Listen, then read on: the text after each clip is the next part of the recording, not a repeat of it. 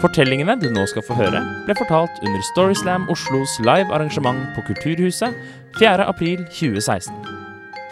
Her kommer en fortelling om å høre til og passe inn. Helle Gannestad tar oss med tilbake til videregående og russerevy.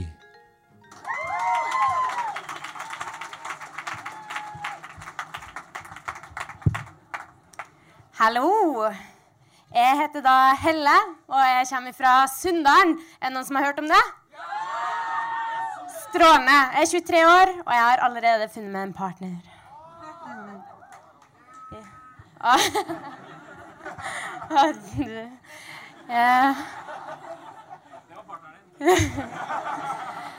Da jeg gikk på videregående, så var jeg jenta alle hata. Og det her til tross for at jeg var skikkelig god i alt jeg dreiv på med. Altså, Jeg hadde toppkarakterer på skolen, jeg var aktiv i AUF og satt i landsstyret der. Og jeg var interessert i idrett, og jeg var knallgod i kulestøt. Kretsmester, faktisk. Og jeg var jo en slik som eh, gjerne ville ha ei utfordring. Så da jeg gikk andreåret på videregående, så sporet jeg om jeg kunne ta politikk og menneskerettigheter sammen med tredje klasse. Det fikk jeg lov til. Og jeg var den typen som eh, banka på døra og kom fem minutter før jeg skulle til timen. Jeg sprang fram til første rad, og der satt jeg parat og hadde handa klar i tilfelle det kom et spørsmål. Eller i tilfelle jeg bare skulle utfylle noe læreren hadde glemt. I tillegg til det her så hadde jeg fått meg en ekstrajobb som lokalavisjournalist.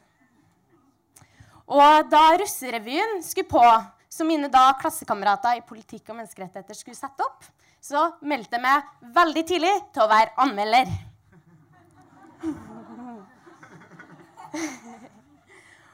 Og dagen for eh, premiere kom, og jeg tenker jeg må forklare litt om eh, fenomenet russerevy.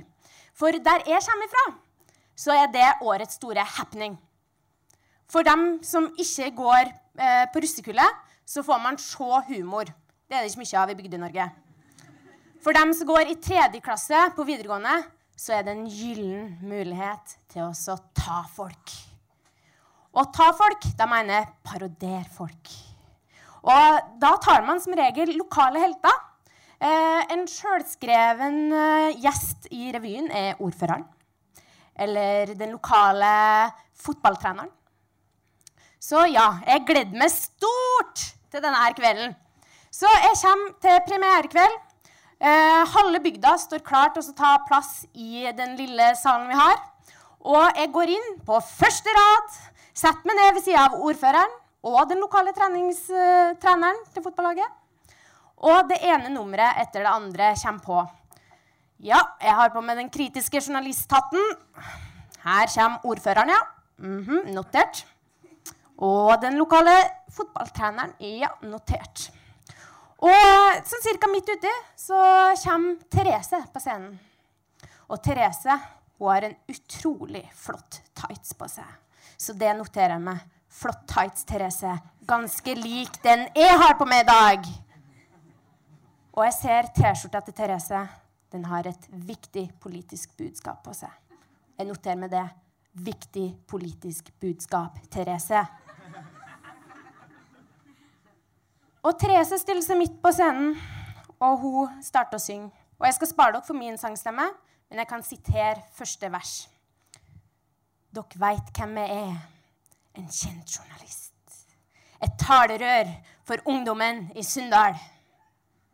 Og hun trenger ikke å trykke det på refrenget, som er mitt navn, før jeg skjønner at ah, det er meg som blir tatt på scenen nå. Og jeg veit det er ganske vanskelig å forstå det her, men jeg var ikke så kul på videregående. Um, Men for meg Men for meg å bli tatt foran halve bygda, det var en ganske stor påkjenning for alt jeg trodde på, som var politikk, rettferdighet, likestilling. Og det her var jo òg klassekameratene mine. Så når mandag kom, og politikk- og menneskerettigheterstimen skulle begynne, så var ikke jeg førstemann til å møte opp. Eh, jeg gikk ikke til første rad. Jeg satt meg bakerst sammen med de andre som ikke hadde tenkt å rekke opp handa i den timen. Og eh, læreren vår, eh, han heter forresten Petter Erik, han kommer ti minutter for seint. Og han er litt av en type. Eh, jeg tror ikke han eh, satte pris på mitt engasjement. Eh, det var i hvert fall ikke mye respons å få når hånda mi gikk fort opp i været. Men han kommer til timen, og han har en kjærlighet for å starte timen med noe historie. Og denne gangen skulle han fortelle om da han var ung. Da jeg var ung, så måtte jeg flytte til nabokommunen for å gå på videregående, sier han. Og jeg hadde ikke mange venner. Jeg hadde bøker, i. Og jeg satt og las. Og jeg las hver eneste kveld. Og jeg las norske bøker, engelske bøker, hyllemeter på hyllemeter med bøker. Og på et tidspunkt så tar han og drar ned europakartet. Han tar og peker på Danmark, og så sier han Er det noen her som har hørt om bygda Jante? Det er helt stille i klassen.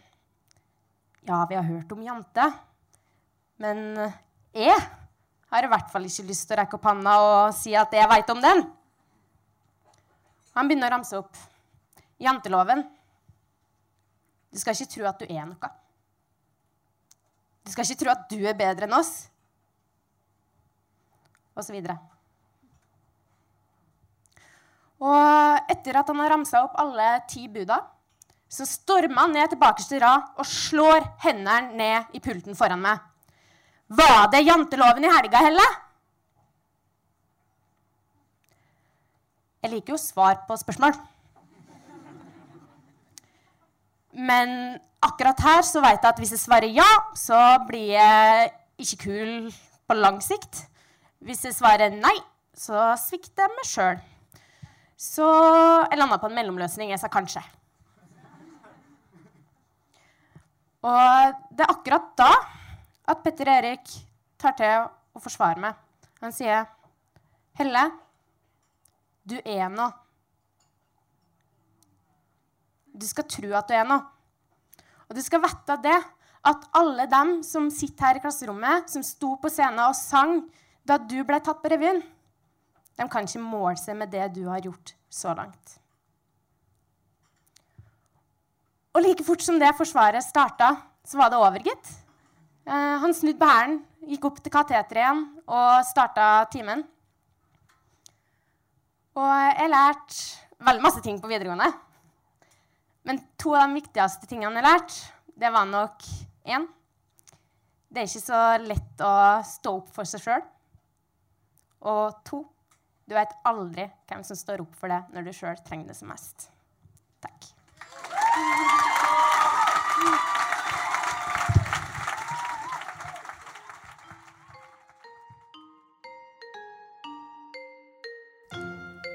Da Marianne Ek Hagen var barn, hadde hun en usynlig venn.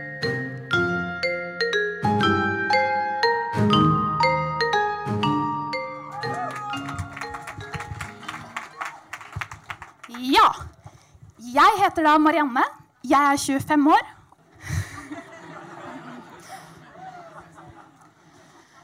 Det er en del ting i livet som kan være ganske ubehagelig. Så pinlig at i hvert fall jeg skulle ønske at jeg av og til kunne bli usynlig. Jeg vokste opp i et boligfelt hvor vi var en gjeng med unger på ca. samme alder. Og vi var som en liten familie. Vi slo følge til og fra skolen hver eneste dag. Spesielt godt fra denne lille familien så husker jeg den to år yngre Eilef. Og Eilef han var god til å være usynlig. han. Ja, Ikke fordi vi ikke la merke til han, men fordi han hadde magiske superkrefter. Ja, han var helt spesiell. Eilef han gikk alltid kledd i termodress. Og ut av det ene neseboret så var det konstant på vei ei saftig, grønn snørrklyse. Eilef han innbilte seg at han kunne sette fingeren mot tinningen og si Sing! Og så ble han usynlig. Og det som kanskje var enda mer spesielt enn spesielle Eilef med den usynlige usynlighetsknappen, det var det at jeg og de andre barna i Boligfeltfamilien vi spilte med hver eneste gang. Så når Eilef trykka 'sing', så ble han faktisk borte, altså. Hvor ble det av Eilef, egentlig? Har noen sett han? Sånn holdt vi på. Luene våre de fløy av gårde, og svevende aviser slo oss i hodet. Eilef han lo, og vi, vi ble underholdt. Eilef han hadde ikke bare evnen til å bli usynlig, men han hadde også evnen til å plutselig bli synlig. Overalt hvor jeg var. Jeg møtte han til og med i min egen hage. Tenk deg, du eh, Sitter hjemme i stua di, leser i en bok, slapper av, aner fred og ingen fare i det du skvetter til av at noen banker på vinduet. Du snur deg. Og der får du se ei flatklemt grønn buse. Etterfulgt av ei flat nese og to nysgjerrige øyne. Det var en ikke fullt så usynlig Eilef.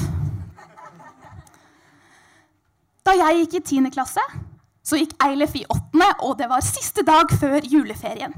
Jeg og mine venninner vi sto utafor klasserommet, hadde utveksla julegaver, og vi sto og snakka litt sånn løst og fast om hva vi skulle gjøre i juleferien idet vi blir avbrutt av ei grønn buse foran oss.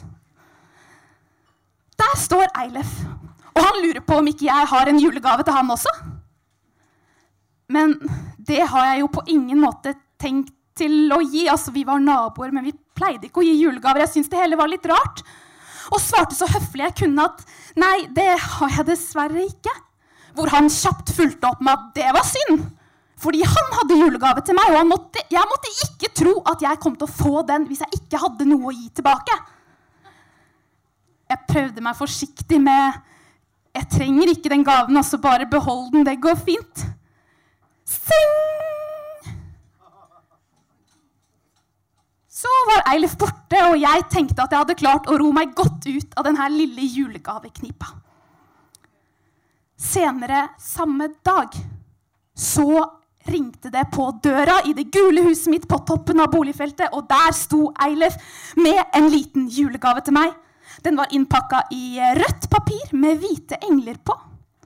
Og da jeg tok tak i den, så kunne jeg høre at det var noe som rasla i den, som om den var fylt med massevis av små perler. Eilef han avslutta med å si at han venta spent på hva han skulle få tilbake. Og jeg sto igjen og lurte på hva jeg skulle gjøre, for jeg skjønte at Eilef han mente alvor. Hva skulle jeg gi nå, og hva var det egentlig jeg hadde fått? Så bare sånn for å sjekke standarden, så tenkte jeg at jeg kunne jo åpne den og se, så jeg drista meg til å lirke opp teipbitene og der lyste det mot meg. Innpakka i en blank frysepose, sånn man finner i kjøkkenskuffen. Et par never med svette, klissete M&M's-sjokolader. Det virka litt som om man bare hadde stukket hånda ned i godteskåla som har stått litt for lenge. Ok, hvordan toppe det her? Etter noen runder i eget hode og i kjøleskapet så fant jeg fram til en litt svett marsipangris som jeg pakka inn og lot ligge klar. Og ganske riktig. Dagen etter så sto Eilef på døra og krevde inn sin julegave. Jeg overleverte marsipangrisen, vi ønska hverandre god jul, og jeg hadde klart det. Julefreden senka seg. Juletreet var pynta, det var 24. desember. På formiddagen mamma og pappa sto på kjøkkenet og gjorde klar julemiddagen. Jeg satt i stua foran TV-en og så på Tre nøtter til Askepott. Idet det ringer på døra. Pappa, som så vidt kan skimte hvem det er gjennom det lille vinduet i gangen, han roper at 'Marianne, jeg tror nok det der er til deg'. Jeg går for å åpne. Der står Eilef i finstasen. Termodress med slips og nisselue. Og selvfølgelig den tilhørende grønne busa. Han holder den ene armen sin bak ryggen. Og før jeg rekker å si noe som helst, så har Eilef bøyd seg mot meg, kyssa meg på kinnet og sagt 'god jul', før han med den ledige hånda trykker 'seng'.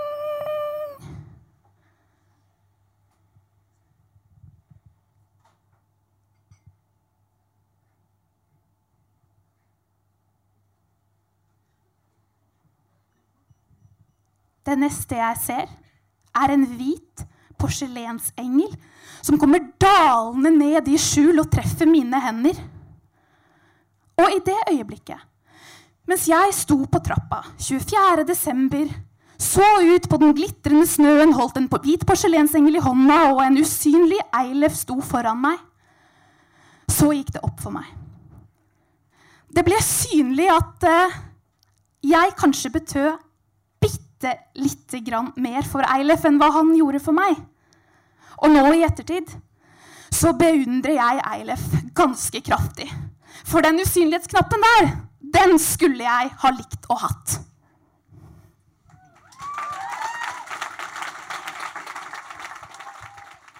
Hjertelig takk til Marianne. Hvis du vil vite mer om Storyslam Oslo og hva vi holder på med, kan du finne oss på Facebook og Instagram. Vårt neste live-arrangement blir på Kulturhuset i Oslo 22. mai klokken 18. I mellomtiden kan du abonnere på vår podkast, som kommer ut med ujevne mellomrom.